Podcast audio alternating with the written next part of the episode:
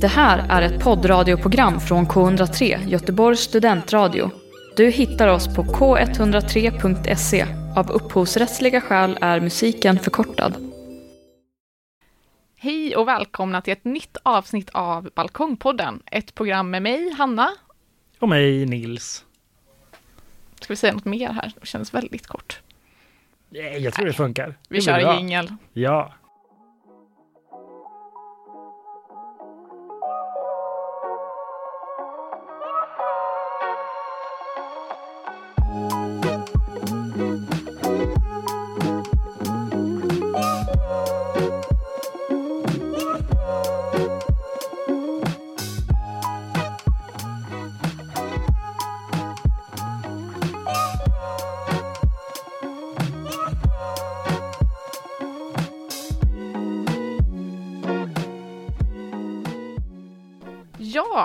Tänkte du snacka om idag, Nils? Idag ska jag prata om biologisk mångfald och biodiversitet. Du har alltid de sexiga miljöämnena med Eller dig. hur? Det som alla vill höra om. Nej, men jag ska prata om det för att jag tycker att det är väldigt viktigt. Jag kan berätta alldeles strax hur jag kom in, liksom hur jag kommer att tänka på det. Men jag är ingen eh, biolog direkt, så jag får ju braska för att jag kommer att göra det väldigt övergripligt liksom. Mm. Ehm, så kommer det väl dyka upp lite frågor liksom som vi, vi kommer prata om. Men jag kan ju inte de här liksom detaljerna kring biodiversitet riktigt, utan jag är ju bara en lekman. Ja, och jag tänker att eh, det är ju kanske inte de detaljerna som är det roligaste att snacka om heller. Nej, nej, jag tycker det är väldigt, väldigt kul varje gång, varje gång som man kommer in på de här liksom biologiska detaljerna, liksom, Mm. varför vissa insekter liksom gör som de gör och sånt där. Men Jag samtidigt brukar är jag typ inte utbildad inom det. Ja, samtidigt är det liksom, har jag ingen utbildning innan det, så då det är inte någonting jag kommer ge mig in på. Mm. Eh, men eh, vad, vad ska du prata om senare? Jag ska snacka om dokumentären De utvalda barnen eh, som finns i tre delar som jag har kollat på. Och Mm, eh, tänkte relatera tillbaka till det vi snackade om förra veckan, om meritokrati.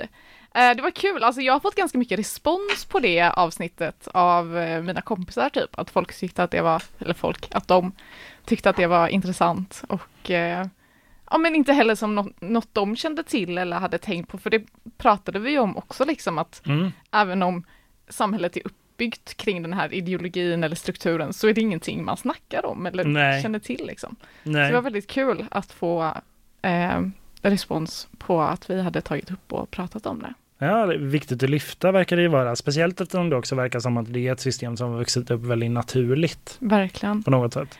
Men jag tänker att vi snackar mer om det sen och går Ja. på ditt ämne först. Ja, men eh, perfekt. Det, ehm, det är så att det, jag, det, jag började tänka, jag tänker ofta på biologisk mångfald. för jag tänker att det, för det är ju en av de två pelarna i det stora liksom, klimatproblemet. Mm. Klimat och miljöproblemet liksom, som ofta brukar klumpas ihop i liksom, ett och samma stora problem. Liksom. Ehm, det kommer vi komma in på mer på sen. Men det- jag tycker de två stora pelarna i det är ju alltså artdöd eller, Mm. liksom, eller att liksom, biodiversiteten är i någon form av decline, liksom, att, att den minskar. Men sen så den andra stora pelaren är ju också utsläpp av liksom, eh, ja, men koldioxid eller metan eller alltså Mm. gaser som ändrar liksom, atmosfären Mm. och som ja, men, förändrar, värmer upp planeten och förändrar liksom förutsättningarna för liv på Mm. den här planeten. Mm. Och de är väldigt sammanlänkade, är de ju. För att eh, biodiversitet, alltså biologisk mångfald, ehm, har ju liksom, alltså den, det, det, det, för, eh, det är ju svårare för liksom en biologisk mångfald att växa fram när det inte, när liksom klimatförändringar liksom eh, begränsar förutsättningarna för liv på Mm. planeten. Till exempel om man tar korallreven som håller på att dö ut. Det är ju på grund av delvis liksom stora utsläpp Mm. som Men- gör att vattnet blir varmare och mer um, acidic. Vad är det på svenska? Ja, försurat. Ja, men precis. Mm. precis. Så helt enkelt då att liksom det klimatet som de är vana vid att leva håller på att förändras och då kan de inte överleva i det förändrade Eh, klimatet, Pre precis, liksom. så, Mm. så um, utsläpp och eh, uppvärmning och biodiversitet har ju med varandra att göra. Mm. Ehm, men ibland så kan man liksom eh, glömma den där liksom delen med biodiversitet. Ja Som, men verkligen, för jag tänker också att så här, ja, men global uppvärmning och utsläpp, det är en fråga liksom. Och artdöd och biodiversitet, det är en annan och de har typ lite grann med varandra att göra, men det känns ändå som att de- de ofta pratas om som två separar, separata eh, frågor liksom. ja, Och att man eh, mer sällan pratar om hur mycket de har med varandra att göra. Liksom. ja, jag tycker antingen, antingen så klumpar man ihop dem väldigt, väldigt slarvigt och tänker att allting går under ett klimatproblem liksom på något Mm. sätt. Eller så separerar man dem, liksom, som du säger. Mm. Men det är ju att, det är att se olikheterna där och att prata om hur de, har, hur de kopplar till varandra. Mm. Det är väl det, det, det jag tycker är viktigt. Men hur jag kom att tänka på det här det var i veckan var för att jag såg i en, någonting i en av mina Facebookgrupper. Jag är medlem i alldeles för många Facebookgrupper. Mm. Väldigt många säger vad händer i typ Majorna fast jag inte bor i Majorna. Och massa andra grupper. Men det var någon så här vildmarksgrupp som jag var med i Mhm. eller som jag är med i, där någon hade postat någonting om att de tyckte att de såg mm, färre insekter än vad de Okej. brukade göra vid den här tiden på året. Nu, är det, ju- nu när allting blommar och slår ut så brukar man ju liksom höra och se mycket insekter och bin Mm. och getingar och humlor.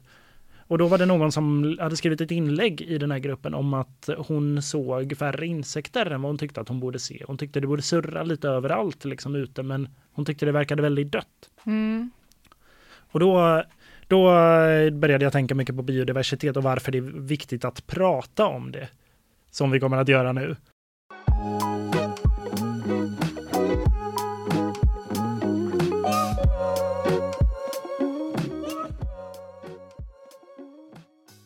Du berättade om den här vildmarksgruppen du är med i på Ja, Facebook precis. eh, och att du hade läst eh, ett inlägg om, minskat surr. Ja, minskat surr på grund av att någon tyckte att det fattades insekter och bin och sånt där. Mm. Och det, det är ju på tapeten väldigt mycket att snacka om biodiversitet och liksom framförallt då bin som dör ut. Mm. Och det är väl för att bin också har en väldigt, väldigt stor del i biodiversiteten för att de ser ju till att pollinera en hel del saker. Och då har det ju pratats mycket om den här stora bidöden. Mm. Eh, som då varför bin dör ut överallt.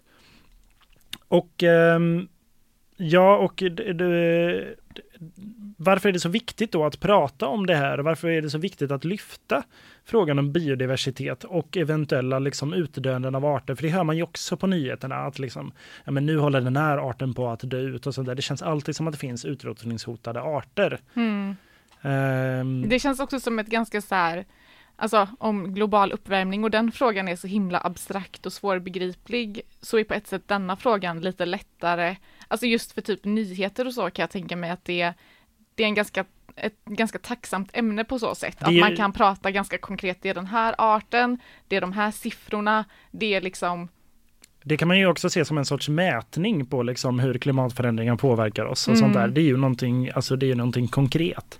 Istället för att prata om till exempel ja, klimatförändringar kan göra det här och det här i framtiden eller man kan mäta det på de här olika sätten så är ju liksom biodiversitet kan mätas. Ja, nu finns det så här många individer Ja, kvar av den här tigern eller Och den det är här inte- liksom. Så långt i framtiden utan det är mer här och nu liksom. Ja, precis. Och man kan se väldigt tydliga liksom, procent på det och sånt där. Mm. Och, det, och varför det är viktigt att vi eh, lyfta det här är, det är en sak som jag tycker är ganska så viktig. Och det, eller som är ett, liksom, en indikator på att, att vi behöver prata om eh, biologisk mångfald och biodiversitet. Och det är um, någon, eh, från någonting som jag fick reda på från eh, David Attenboroughs senaste dokumentär. Mm. Eh, nu kommer jag inte ihåg vad den heter ens, men det är den senaste som han har gjort som fick um, A Life on Our Planet, Mm. tror jag den heter. Den finns på Netflix, den är svinbra. Ja, jag tror jag har sett den, men jag tyckte också den var så himla deppig. Den är deppig. Så jag, jag vet inte, jag minns inte så mycket från den typ. Ja. Den är deppig men den är också väldigt, väldigt vacker. Mm. De har ju liksom samlat en del, hel del liksom material som han har liksom, som, eller som har varit med. eh, under hans tid i, i, eh, framför kameran. Mm. Och det som de har liksom fångat till alla de här dokumentärerna som han mm, liksom pratar till. Eh, men också en hel del nytt material och det är jättesnyggt allt det. Men den är väldigt de- de- deppig också. Mm. Men det är ju för att det är någonting viktigt att prata om. Och där säger de att, och det är liksom, har jag kollat upp och det ska stämma uppenbarligen, att eh, endast 4% av alla levande djur är vilda djur. Mm. 60% är domesticerade och vi människor utgör 36, eh, 34, nej 36 procent av, eh, nu tappar jag bort mig i procenten här, men eh, 30, vi utgör 36 Ah, okej. procent av, eh, av jordens djur. Mm. Ehm, och att vi bara har 4% vilda djur. Ja, det, det är helt sjukt. Också så här förhållandet mellan när man tänker på djur och pratar om djur, alltså nu blir detta väldigt generellt, men då tänker man ju på de vilda djuren. Ja, Eh, precis. Och inte på eh, de domesticerade, liksom. Nej, precis. Man tänker inte på att det finns lika många liksom, kor som det finns typ så här, alla möjliga olika sorters djur på savannen. Mm. Eh, ofta de, de djuren som vi har domesticerat är ju väldigt, alltså det är, en, det är ju relativa, relativt homogena grupper. Mm. För ehm, det finns tre olika sorters biodiversitet som man brukar prata om. Mm. Det finns olika ekosystem, Mm. alltså olika system liksom över jorden globalt som livnär sig liksom av varandra. Och sen så finns det en artdiversitet. Det är också en sorts biodiversitet och det är ju en, ja, men olika sorters arter, att det ska finnas olika arter. Mm. Eh, Då är det en artdiversitet. Men också att det ska finnas en genetisk diversitet bland de arterna. Mhm. Så att inom, sam, så att inom samma art så ska det fin- finnas liksom en genetisk diversitet. Mm. För att de ska ha liksom goda förutsättningar för att överleva och reproducera sig och sånt där. Och det behöver ju djur i allra högsta grad nu när det är massa arter som håller på att dö ut så behöver de ju så goda förutsättningar som möjligt för att kunna överleva. Mm. Och, ehm, och det verkar de ju inte ha alltid för att vi ser relativt få arter i vissa ekosystem och vi ser inte en jättestor genetisk diversitet. De här stora ekosystemen, till exempel alltså Amazonas och sånt där, där finns det ju många. Mm. Där finns det ju en stor genetisk diversitet, en stor artdiversitet och sånt där. Men de är ju också hotade. Mm. För att nu bör, har vi ju börjat skövla liksom en hel del, eller börjat, vi har gjort det länge. Skövlat liksom Amazonas um, djungeln och det är så himla svårt att, att eh, sluta uppenbarligen. Mm. Eh, för, Ja, precis. Vi har ju redan skövlat allt i Sverige, liksom. Eh, här finns det ju inte så mycket biologisk mångfald kvar i våra skogar, eller det finns ju inte så mycket skog kvar, liksom. Eh, och det lär väl bli... Eh, Och en, en hel del av den skogen som faktiskt finns är ju ofta en ganska så homogen. Alltså Ja. det är ju typ så här planterad granskog för Ja, att den ska huggas ner mm, i princip. Och vi kommer komma in lite mer på, liksom, på um, relationen mellan människa och natur så småningom. nice.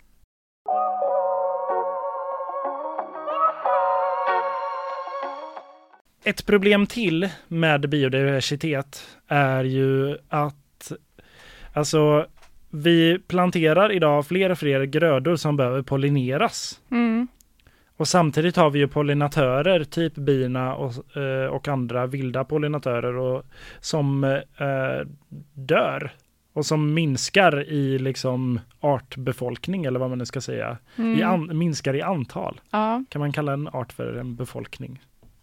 Ja, men det kan man väl. Jag tror... En bibefolkning. En bibefolk. Men eh, i och med att de här eh, minskar pollinatörerna till exempel så får man ju ibland ta lösningar genom att pollinera för hand eller, så här, typ importera pollinatörer. Och, och vanligtvis, alltså näs, nästan i alla situationer där man har behövt ersätta ett biologiskt eller ett eh, naturligt system med någonting som människan kom hitta på liksom, så brukar det bli mycket dyrare. Mm, Mycket dyrare och mycket besvärligare att lösa de naturliga ekosystem och de naturliga liksom, ekosystemstjänster som man ibland kallar det är. ehm, när ekosystemet inte gör det själv. Men vi är eh, inte lika bra som naturen helt enkelt. inte riktigt. Vi är inte De lika har ju- billiga i alla Nej, fall. Precis. De har, ju- ja, det, är, det är hemskt att sätta ett pris på det, Ja. eller att liksom se, se det ur en ekonomisk synvinkel när man egentligen kanske borde se det på något annat sätt. Ehm, nej, de har ju haft flera liksom, alltså lång, flera miljoner år av evolution för Mm. att liksom komma fram till de här liksom naturliga lösningarna på saker och eh, liksom hur vissa arter förlitar sig på varandra och hur ekosystemet i stort liksom fungerar och eh, upprätthåller sig självt.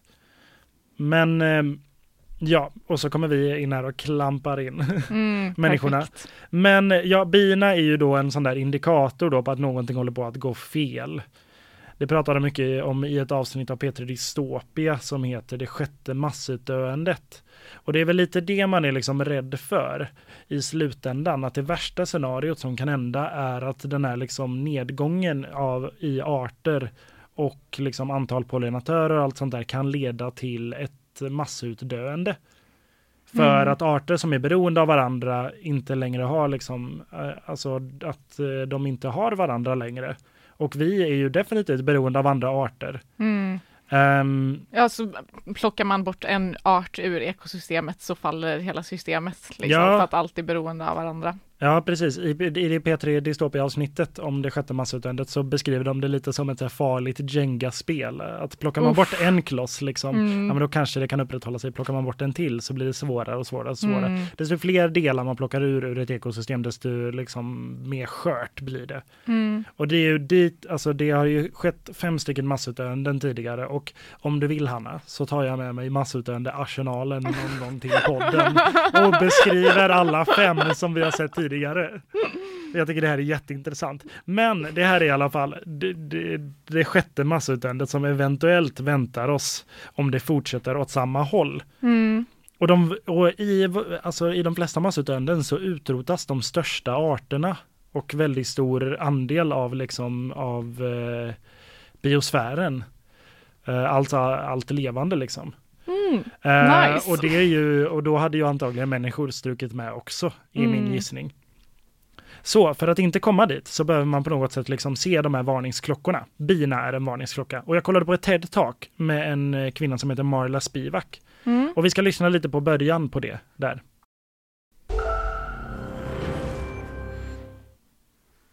This is our life with bees.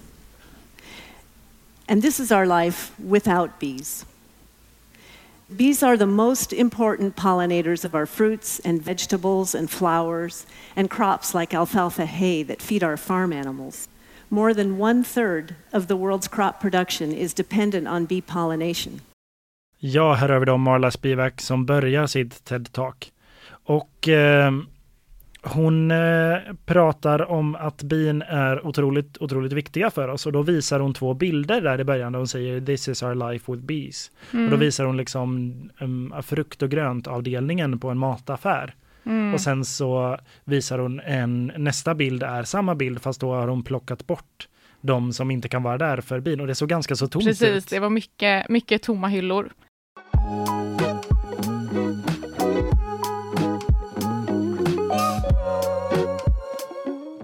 Du lyssnar på Balkongpodden och vi snackar om bin.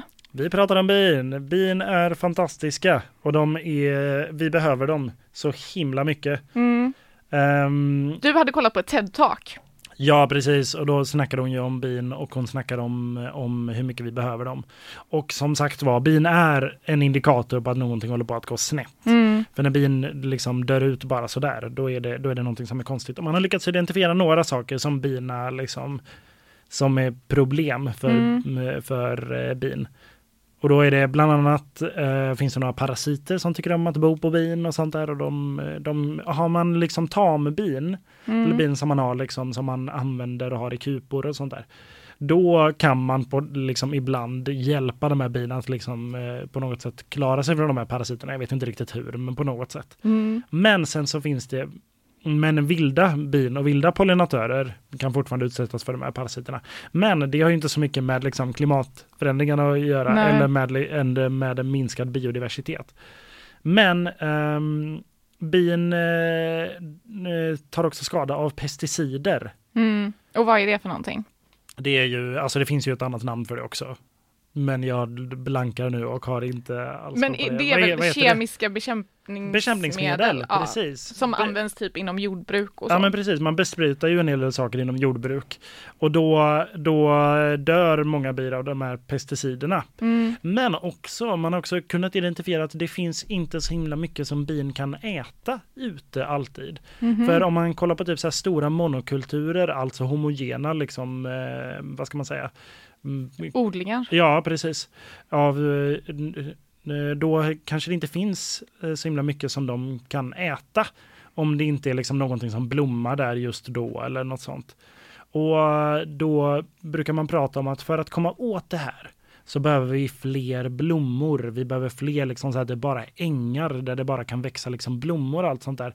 Och då är det, men då kommer ju det här problemet upp med, ja men ska vi låta liksom bara ängar med blommor växa upp och sen så typ bara låta det vara där för bin? Mm. Eller ska vi anpassa våra sätt att leva för naturen runt omkring? Och då kommer man in på relationen mellan natur och människa. Och att det är någonting som är galet där. Mm.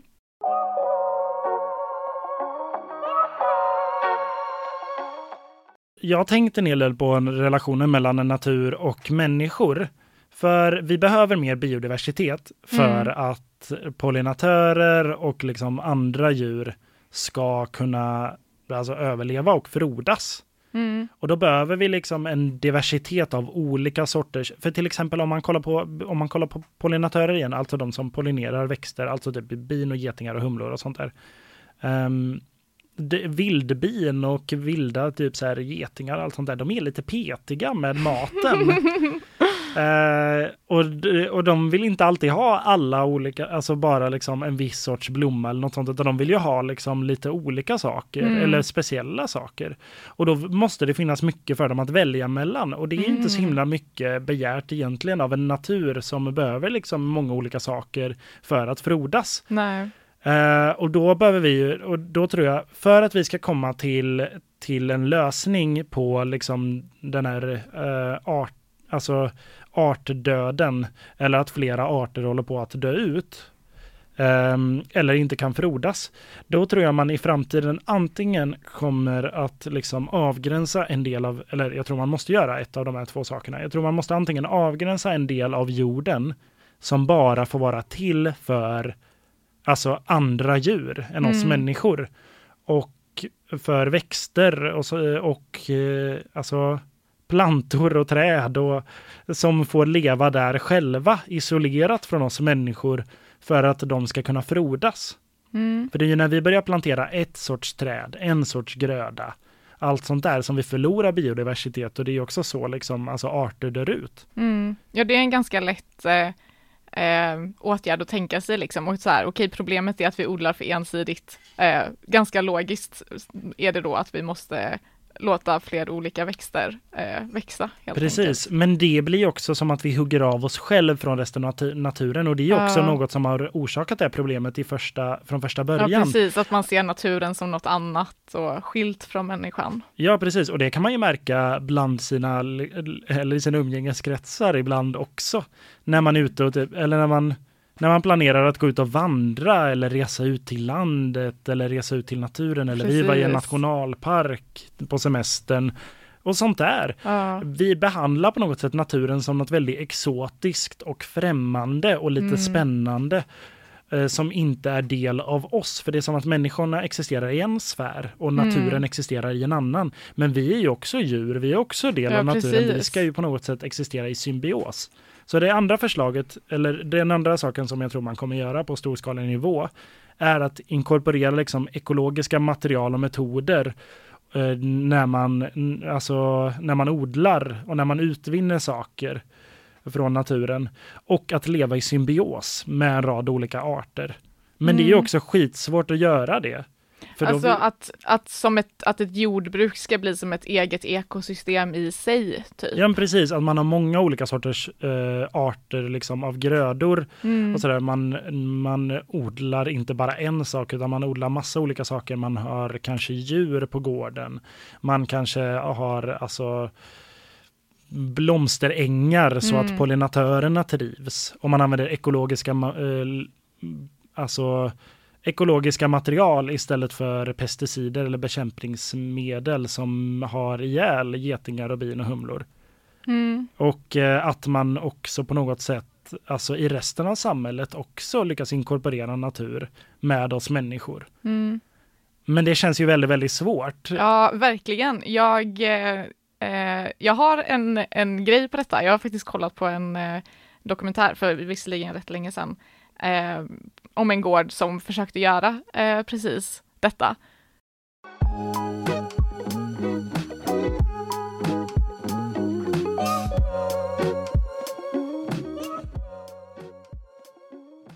Ja, du skulle säga någonting. Ja, eh, vi pratade ju om att eh, för att eh, få bukt med det här problemet så skulle en lösning vara att liksom ja, men göra, bedriva jordbruk på ett annat sätt och mer ha ett jordbruk som ett helt ekosystem. Eh, och det finns en eh, dokumentär som handlar om en familj som gör just det, som heter Vår lilla gård, tror jag. Eh, när jag kollade på den så fanns den på SVT Play. Och eh, alltså det var ju väldigt tydligt liksom hur svårt det är, alltså när de börjar med det, då typ räknar de med att allting ska liksom vara fungerande och på plats typ tio år framåt. Eh, att det Oj. är då liksom eh, det, det kommer liksom ekosystemet kommer ha lagt sig till rätta. Alltså gud, det låter jättekonstigt. Så att det är väldigt tydligt liksom att, att det finns ingen liksom om man letar efter typ kortsiktig ekonomisk vinst, då kan man liksom inte riktigt göra på det sättet där det ska liksom ge avkastning så fort som möjligt, utan det här långsiktiga tänket där saker måste få ta sin tid. Eh, det går inte riktigt ihop med liksom ja, det samhället vi lever i och det är ju också därför Mm. jordbruket bedrivs som det görs nu, för att det är det, det mest ekonomiska, liksom. Att ha de här stora monokulturerna.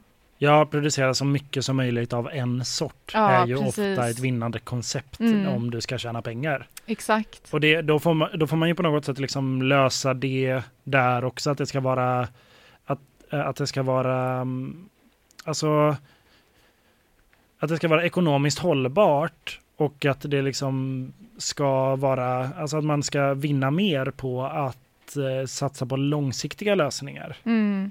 som då är snällare för naturen och som inkorporerar naturen. Men vi står inför de här två problemen. Antingen separerar vi oss från resten av naturen Mm. och räddar liksom den på något sätt Ja. från oss. Eller så måste vi bli del av naturen.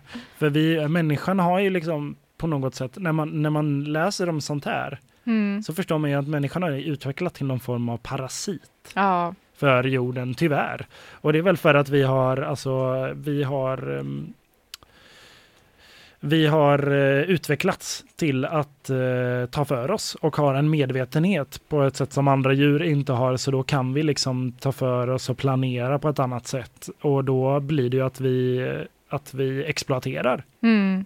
Allting som kommer i våran väg för våran egen vinnings skull. Verkligen. Ja, det är en sån sjuk grej liksom att vi, för som du sa innan, vi är ju också en del av naturen och att Ja, nu vi är djur. Ja men precis, och att, att nu är det som att vi måste skydda naturen från oss själva liksom. Det är jätte, alltså det är så Gör vi tragiskt. inte alltid det nu för tiden? Ja, Ja, nej, men så någon av de två kommer ju behöva göras. Men det känns som att det är betydligt enklare att bara kapa av en del och bara nej, mm, nu liksom, nu kapar vi av en del som det är en no-go zone för alla människor typ. precis. Men det hade ju behövt vara en väldigt, väldigt stor del om den ska kunna upprätthålla eh, alltså biodiversiteten för en hel planet. Och sen så behöver vi också fortfarande minska utsläppen Mm, för att det påverkar ju naturen och skogar Verkligen. och korallrev och allting. mm, Eh, men, eh, men man kan ju hoppas att vi hittar sätt att inkorporera, liksom, att ta ett steg tillbaka. Eh, För människan att på något sätt ta ett steg tillbaka och bli liksom ett med naturen igen. ja, Det ja, låter så himla precis. flummigt, men du, vet vad, du fattar vad jag menar. Ja men precis, och jag tänker alltså när man säger det så kanske man ser framför sig att alla ska typ flytta ut i ekobyar liksom, men det är ju inte heller det det handlar om. Det egentligen handlar det väl bara om att, eller bara, det är inte så bara, men i grund och botten liksom att sätta ekologiska värden framför ekonomiska, Vilken Eh, slogan. eller hur? Eh, och det, det, betyder inte att alla behöver flytta ut och bli självförsörjande bönder liksom, men det betyder att vi behöver eh, se över våra värderingar lite och hur vi nyttjar naturen som att det är en eh, oändlig resurs som man kan bruka hur hårt som helst liksom. Men så är det ju inte och det börjar vi ju märka nu liksom. Mm. Verkligen. Det finns några saker man kan göra som privatperson och det är ju liksom delvis så är det för att man också ökar medvetenheten för en själv. Mm. Att man själv blir medveten om och förstår hur biologisk mångfald liksom fungerar och hur viktigt det är. Och det är till exempel att man så här, typ, alltså, kan medvetet plantera liksom blomsterängar. Mm. Och sånt där. Bor man i, på liksom landet eller om man har en takterrass eller en balkong eller något sånt så kan man se till att plantera blommor. En balkong kanske inte får plats så himla mycket blommor mm. på. Men det ja, finns saker man fyllt min till bredden kan jag ja, säga. Perfekt.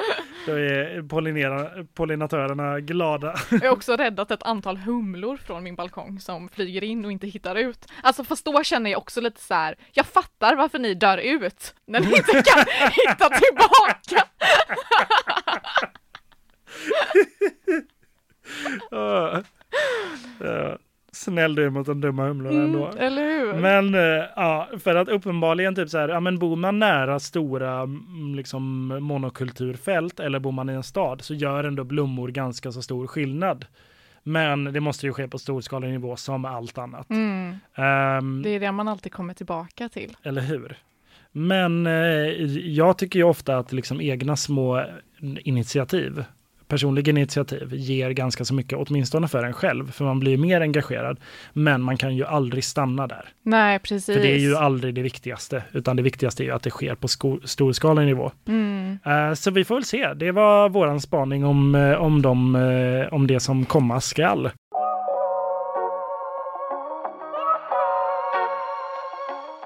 Uh, nu ska vi över till det som du ska prata om, Hanna. Ja, det ska vi.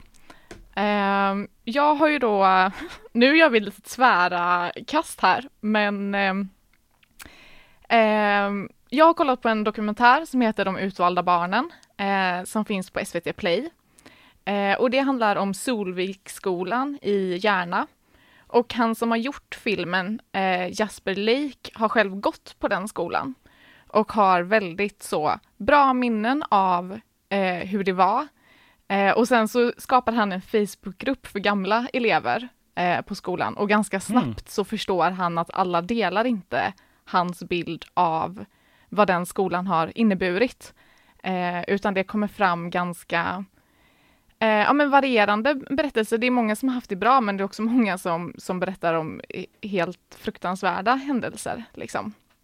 Mm. Eh, så då så har han gjort den här dokumentären i tre delar där han pratar med gamla elever och pratar med lärare och försöker liksom förstå eh, han upprepar det hela tiden i dokumentären. Vad var det egentligen vi var med om? Att det är det han eh, försöker eh, förstå sig på.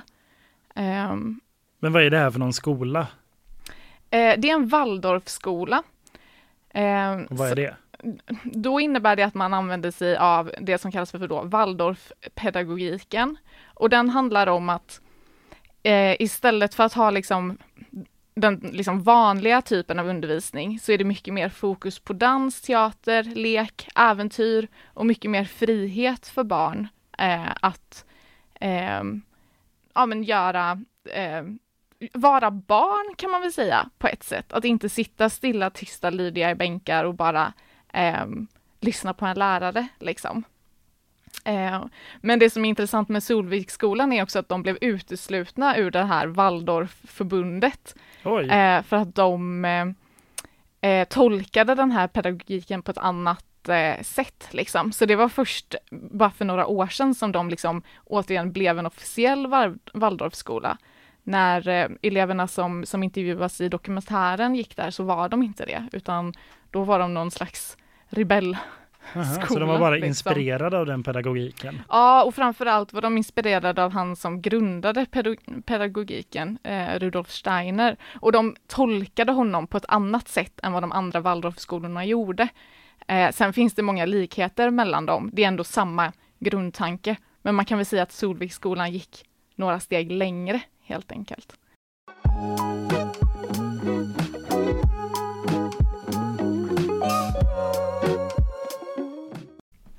Ehm, på vilket sätt alltså, avvek de från den här pedagogiken då, den här skolan?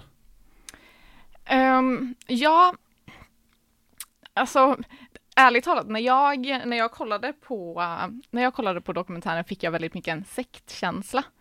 Eh, att det var väldigt så mycket tystnadskultur och eh, att det var liksom en ledarfigur som eh, hade väldigt mycket eh, auktoritet och som ingen riktigt vågade sätta emot. Eh, sen så vet jag inte riktigt, de jämför sig inte jättemycket med andra Waldorfskolor i, i eh, dokumentären så, men den här ledarfiguren var liksom väldigt, väldigt intresserad av Rudolf Steiner som grundade eller som, som utformade eh, Waldorfpedagogiken. Eh, och han pratade om att det fanns olika personlighetstyper och det kunde man se på ett barn. Alltså det blir nästan liksom rasbiologiskt. Eh, att de ser ut så här och så här och de är på det här och det här sättet. Eh, och sen, alltså nu vill jag inte avslöja för mycket här om man vill se dokumentären, vilket Nej, jag, jag verkligen rekommenderar. Eh, men det, det, är liksom lite så knepiga grejer som eh, eh, som de tog då väldigt mycket längre och, och mycket tanken om att liksom saker och ting eh, händer av en anledning och det, det, är väldigt liksom stort fokus på det konstnärliga och det andliga. Liksom. Eh, inte så mycket fokus på att lära sig läsa och skriva. Mm. Um, och det, är det det som många har reagerat på i efterhand då? Att de har tappat någon form av bit? Då? Dels det, men sen har de också haft väldigt eh, svåra upplevelser med lärare eh, som liksom ibland har, enligt dem i dokumentären då, använt våld. Eh, och eh, det har förekommit väldigt mycket mobbing eh, som liksom ingen riktigt hanterade eh, på ett korrekt sätt liksom. Eh, och eh, det jag tänkte väldigt mycket på, för att jag kollade på de här tre delarna lite i samband med att jag läste Nina Björks bok och jag vet att jag pratar otroligt mycket om den bo boken, men den var väldigt bra. Eh, för som vi pratade om förra veckan med meritokrati, så handlar ju liksom skolan väldigt mycket om att man ska eh, lära sig att vara på ett visst sätt och få de meriterna som belönas i samhället. Och jag tycker att den här skolan är ett sånt klockrent exempel på några som inte vill följa den normen och inte liksom eh, Ja men de lär ju helt enkelt inte barnen det de behöver för att vara framgångsrika i det här samhället. Eh, utan ja men de, de lär barnen att måla och, och vara liksom aktiva och leka och ta risker och och andra grejer och, och det, för, som sagt, för vissa har det varit en jättebra skolgång, men för alla har det, verkar det ha varit väldigt tufft att komma ut liksom i den verkliga världen.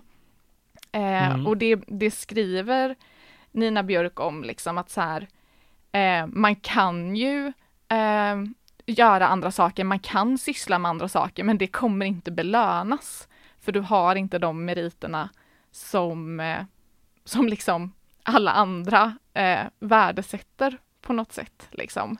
Mm. Eh, och det som också blir tydligt i dokumentären att, är att även om de kanske då inte är så måna om att, att liksom, eh, barnen ska vara så himla typ produktiva eller liksom effektiva på det, liksom, på det sättet så är det ju fortfarande vissa liksom, meriter eller personlighetsdrag som, som rangordnas. Det, det är fortfarande den här hierarkin, fast det är andra personer som är på toppen som har andra meriter eller egenskaper eller kompetenser än liksom i den riktiga världen. Kan man någonsin komma ifrån det då? Alltså det är ju det som är väldigt intressant. Liksom. För även i en sån liksom, skola som då var så himla bortkopplat ja, från det... vårt meritokratiska tänkande. På gott och ont verkar det ha varit, eh, alltså eftersom det var många som hade väldigt mm, dåliga upplevelser av den, så var det väl inte så himla bra på, mm, på ett sätt. Samtidigt, de ju, har ju varit väldigt bortkopplade där. Även de verkar ju inte ha liksom lyckats komma undan den där hierarkin av vissa meriter, alltså andra meriter då. Nej men precis, och det, jag tycker det är väldigt intressant och jag läste en eh, artikel av Håkan Boström i Göteborgs-Posten som menar att dokumentären säger verkligen någonting om eh, den inneboende svårigheten i alla frigörelseprojekt. Alltså att man vill göra sig fri från någonting och komma bort från någonting. Och man avskaffar då vissa normer, men då uppstår andra normer. Och så blir det liksom den här makthierarkin eller den här liksom eh, motsatsen till frihet, fast i en annan form. Och, och jag undrar också liksom om man kan komma ifrån det och det känns eh, det känns på ett sätt så hopplöst liksom att tanken som var så god och så fin och att de skulle skapa liksom de här fria individerna, eh, att det inte funkar liksom. Eh, alltså om man vill lära sig att räkna, om man vill lära sig att räkna och skriva så är väl den vanliga skolan eh, bättre. Men vill du vara en fri människa som får göra det du vill, då är inte heller den, den andra, den vanliga skolan ett, ett alternativ där du får göra det liksom. Nej, det då, finns ju vissa ja. skolor som försöker inkorporera liksom sådana saker i sin pedagogik. Men Mm. ofta, men det, ja, men det är ju svårt. Mm. Men det är en, en intressant fråga, liksom det här med hur, hur man ska liksom bryta sig loss från normer och ideal utan att fastna i andra normer och ideal. Liksom. Ja, ja precis. Att liksom i frigörelseprocessen så kommer, så når man, så kommer det ett annat mål som Mm. binder en på något sätt. Precis. Spännande. Ja, och jag tycker det är ganska eh, genomgående liksom. Alltså också om man tänker på så här olika, eh, ja men typ så här grupper i samhället som liksom vill ta avstånd från olika normer och eh, eh, inte följa dem så känns det ganska snabbt som att det bildas andra normer i den gruppen. Alltså typ om man umgås i väldigt så här eh, ja men eh, säg väldigt så här feministiska kretsar, då tar man avstånd från liksom könsroller och, och normer som, som tillhör det och det vill man inte ha. Men då är det ju ändå andra normer som kommer istället, att säga, men som en bra feminist, då ska du vara så här och så här och så här och Mm. tycka så här och så här och så här liksom.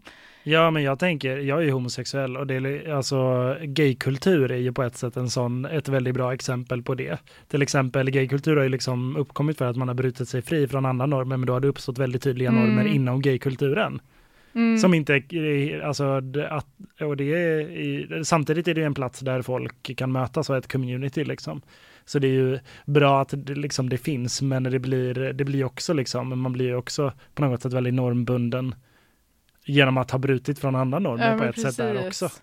Ja, och då blir det nästan frågan så här, men är det då lite bättre normer typ? Att så här, okej, om jag ändå ska vara styrd av normer, då kanske jag hellre väljer att vara det i det här communityt där jag i alla fall får vara lite mer mig själv, eller kanske väldigt mycket mer mig själv, liksom. Mm, att kanske. det, det är så himla knepigt liksom hur man ska komma ifrån det där. mm. Kanske är vi alltid bundna av någonting. Ja, det känns ju så alltså. Ska Men det är väl det här med att vi är flockdjur och att man ska passa in och Ja, precis. ja. Man kan kanske aldrig vara helt och hållet fri och samtidigt vara lycklig. Nej, vad deppigt. Fast också, alltså, eller? jag vet inte. Ja, Kanske, kanske är det deppigt. Vi, eh, vi kanske ska lämna er lyssnare med den härliga tanken. alltså jag Men, kände att jag eh, drog ner stämningen. Jag Fast i och för sig, du pratade om massutdöende. Det var redan dålig stämning. Det var redan dålig stämning. Så det, Ja. vi bara red vidare på den vågen. Men, eh, ja. Men eh, det finns väldigt mycket fina saker i livet ändå, trots att, trots att arter dör ut. Och det finns ju, som vi pratar om, det finns ju lösningar. Och det, ja. Och eh, det, även om man ibland är bunden av normer så har man ändå ett visst mått av frihet. Bra ord. Bra slutord. Ska vi säga så? Vi säger så. Vi kommer tillbaka med ett eh, nytt och kanske lite mer positivt avsnitt. Vi får kanske Hoppas skärpa oss lite. det. Vi är tillbaka om två veckor. Mm. Tack så mycket för att ni har lyssnat. Tack, tack. Hej då! Hej då!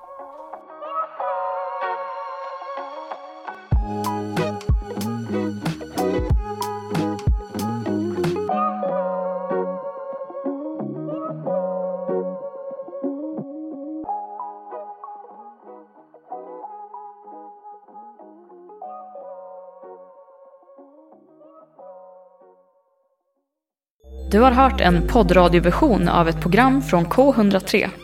Alla våra program hittar du på k103.se. Följ oss gärna på Facebook eller på Instagram. Vi hörs!